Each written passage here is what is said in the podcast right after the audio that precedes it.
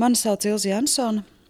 Jūs klausāties Satorija podkāstu, un šī ir rakstu sērijas Sektas un traģiskā reliģija trešā daļa. Cik ilgi dzīvosim reliģiskā analfabētismā?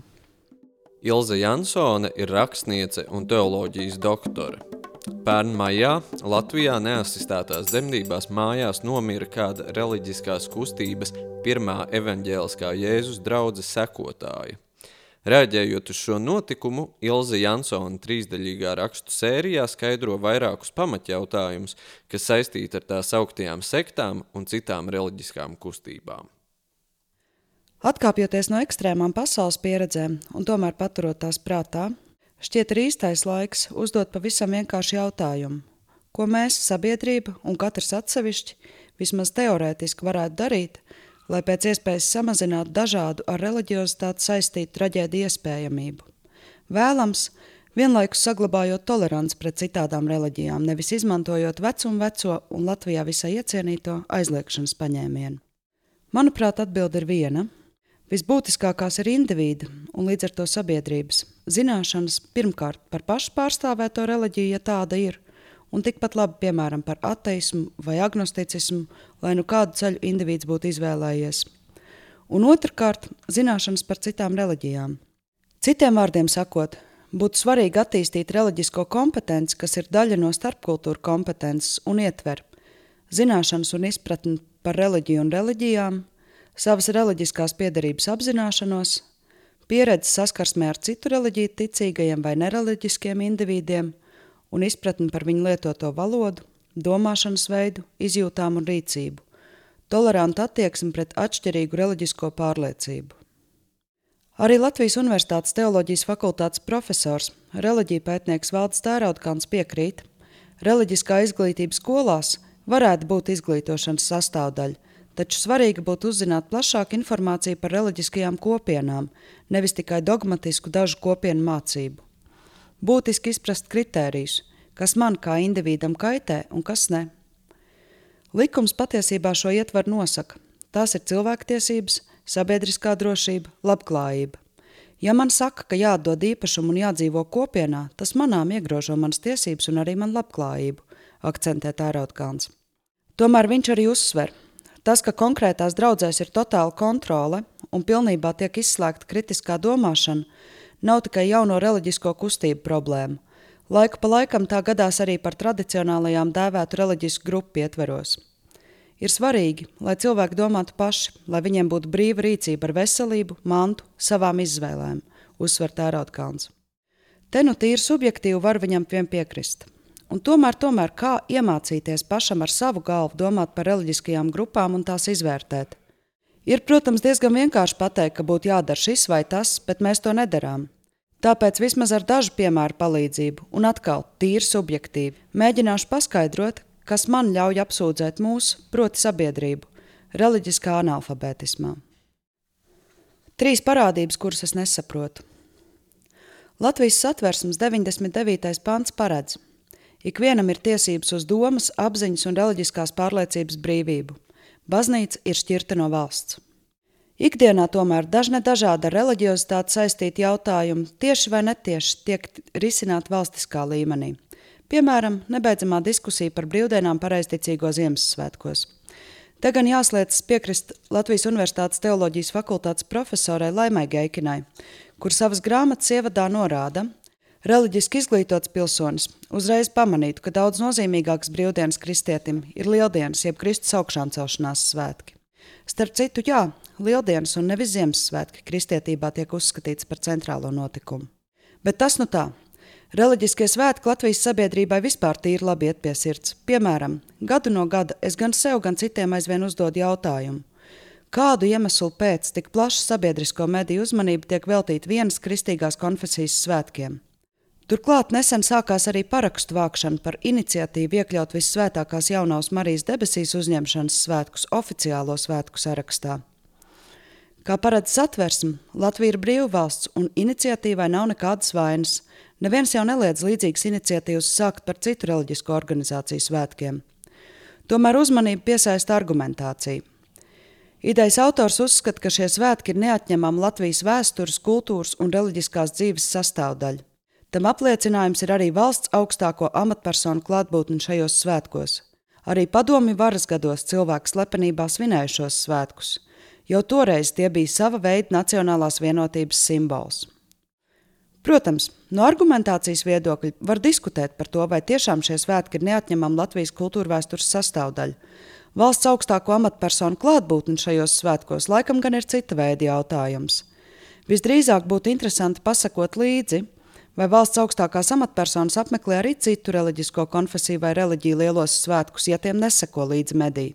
Un otrādi, protams. Jautājums, kas nekatoļus dzen uz aglonu svinēt šos svētkus un gozēties kameru priekšā, man aizvien ir dziļi neizdibināms. Skaidrības labad piebildīšu, ka dogmatisko definīciju par šiem svētkiem pāvests Pīs 12. pasludināja vien 1950. gadā. Interesanti ar šo definīciju un skaidrojumu visos sīkumos var iepazīties pašas tiešsaistē. Man personiski nav nekāda iebilduma nec pret Romas katoļiem, nec arī pret kādiem reliģiskiem svētkiem.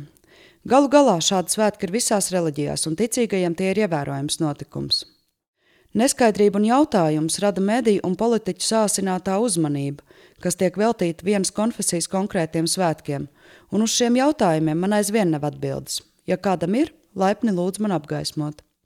Un jā, starp citu, kā tad ar pārējo Latvijas reliģisko grupu nozīmīgajiem svētkiem? Nē, esmu pēdējā laikā medijos manījusi nevienu rakstu, piemēram, par Hanuku, un ebreji taču ir tradicionāla etniskā un reliģiskā kopiena Latvijā. Nu labi, lai kā tur būtu ar atsevišķu konfesiju svētkiem, satversmes preambulā ir iekļauts arī šāds teikums – Latvijas identitāte Eiropas kultūra telpā kopš senlaikiem veido latviešu un lībiešu tradīcijas, latviskā dzīvesziņa, latviešu valoda, vispār cilvēciskās un kristīgās vērtības. Par šo teikumu dažādu mediju telpās no dienas diskutēts līdz nelabumam, un milzīgi iebildumi pret to, protams, nav un arī nevarētu būt. Tomēr vārdkopa kristīgās vērtības visai ērti pakļaujas dažne dažādām interpretācijām. Ierakstot kristīgās vērtības kaut vai Twitter meklētājā, acī pavērs viskrāšņākā interpretācija buķete. Sliecos piekrist Mārim Zanderam, kurš kādā rakstā dalījās pārdomās. Es tikai vēlētos būt drošs, ka satversmes tiesa ir neitrāla tādā izpratnē, ka aizstāv arī to Latvijas iedzīvotāju intereses, kur nebija stāvā sajūsmā par jēdzienu kristīgās vērtības iekļaušanu satversmes preambulā, vai par šādu preambulu vispār. Būtu pārsteidzīgi izdarīt secinājumus pēc vienas diskusijas – Tomēr, kā dažkārt saka, paliku domīgs. Viens no runātājiem, arhibīskaps Zbigņevs Stankevičs, apgalvoja, ka kristīgās vērtības stāv vispār cilvēcisko vērtību sardzē, pasargājot tās no subjektīviem izkropļojumiem. Kurš būs tas, kas izlems, kas ir subjektīvi izkropļojumi? Gribas uz karstām pēdām piedāvāt savu izkropļojumu, kas veidojies krustu šķērsu ceļojot pa teoloģisku satura vietnēm. Nu, piemēram, par kristīgajām vērtībām varam uzskatīt trīs ticību, cerību un mīlestību, kā tās definē Pāvils pirmajā vēstulē korintiešiem 13.13. 13. Bet šādas interpretācijas ir mērāmas vismaz simtos.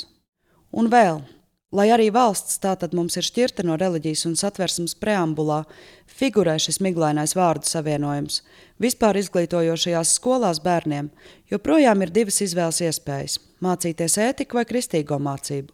Pret ētiku nekāda iebilduma, taču man joprojām nav skaidrs, kādu iemeslu pēc kristīgo mācību nevarētu atstāt draugu svētdienas skolu ziņā, bet vispār izglītojošajās skolās ieviest, piemēram, mācību par reliģijām, ņemot vērā faktu, ka tās ir dažādas un savstarpēji atšķirīgas. Spriežot pēc šobrīd pieejamajiem standartiem, vispār izglītojošās skolas 21. gadsimta Latvijā ir uzņēmušās baznīcu darbu.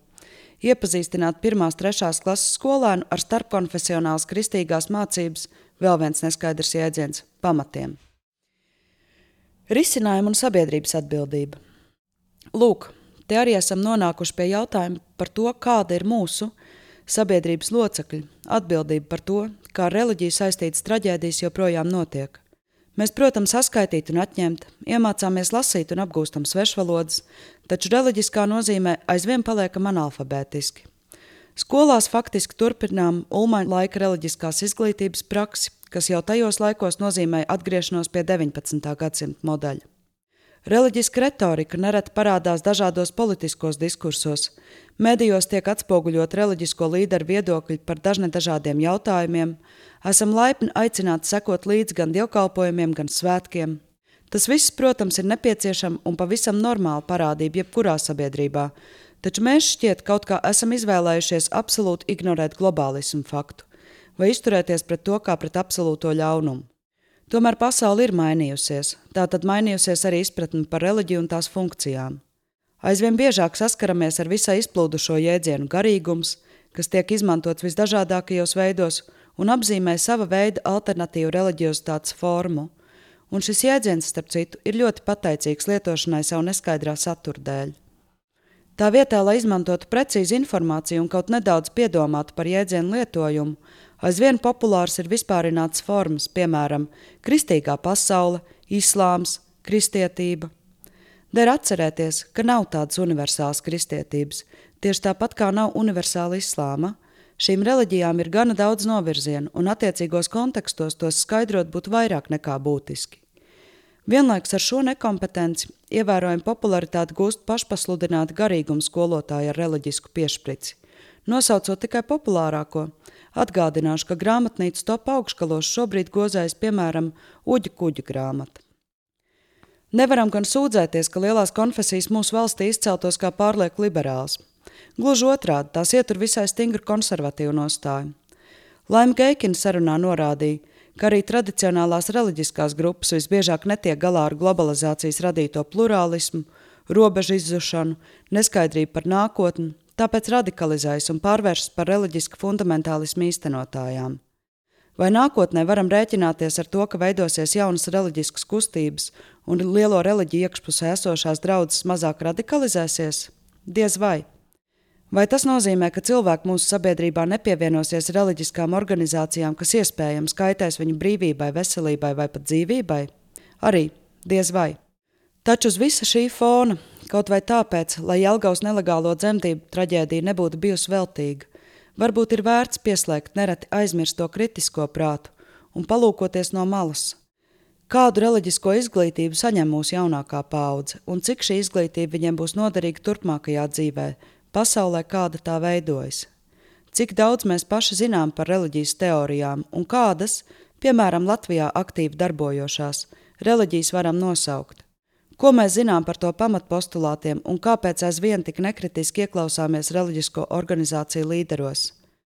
Citiem vārdiem, no mums pašiem, no mūsu reliģiskās kompetences arī turpmāk būs atkarīgs tas, kāda sabiedrība mēs būsim, un varbūt tomēr ir vērts veltīt nelielu daļu savas dzīves dārgā laika šādu kompetenci izkopšanai.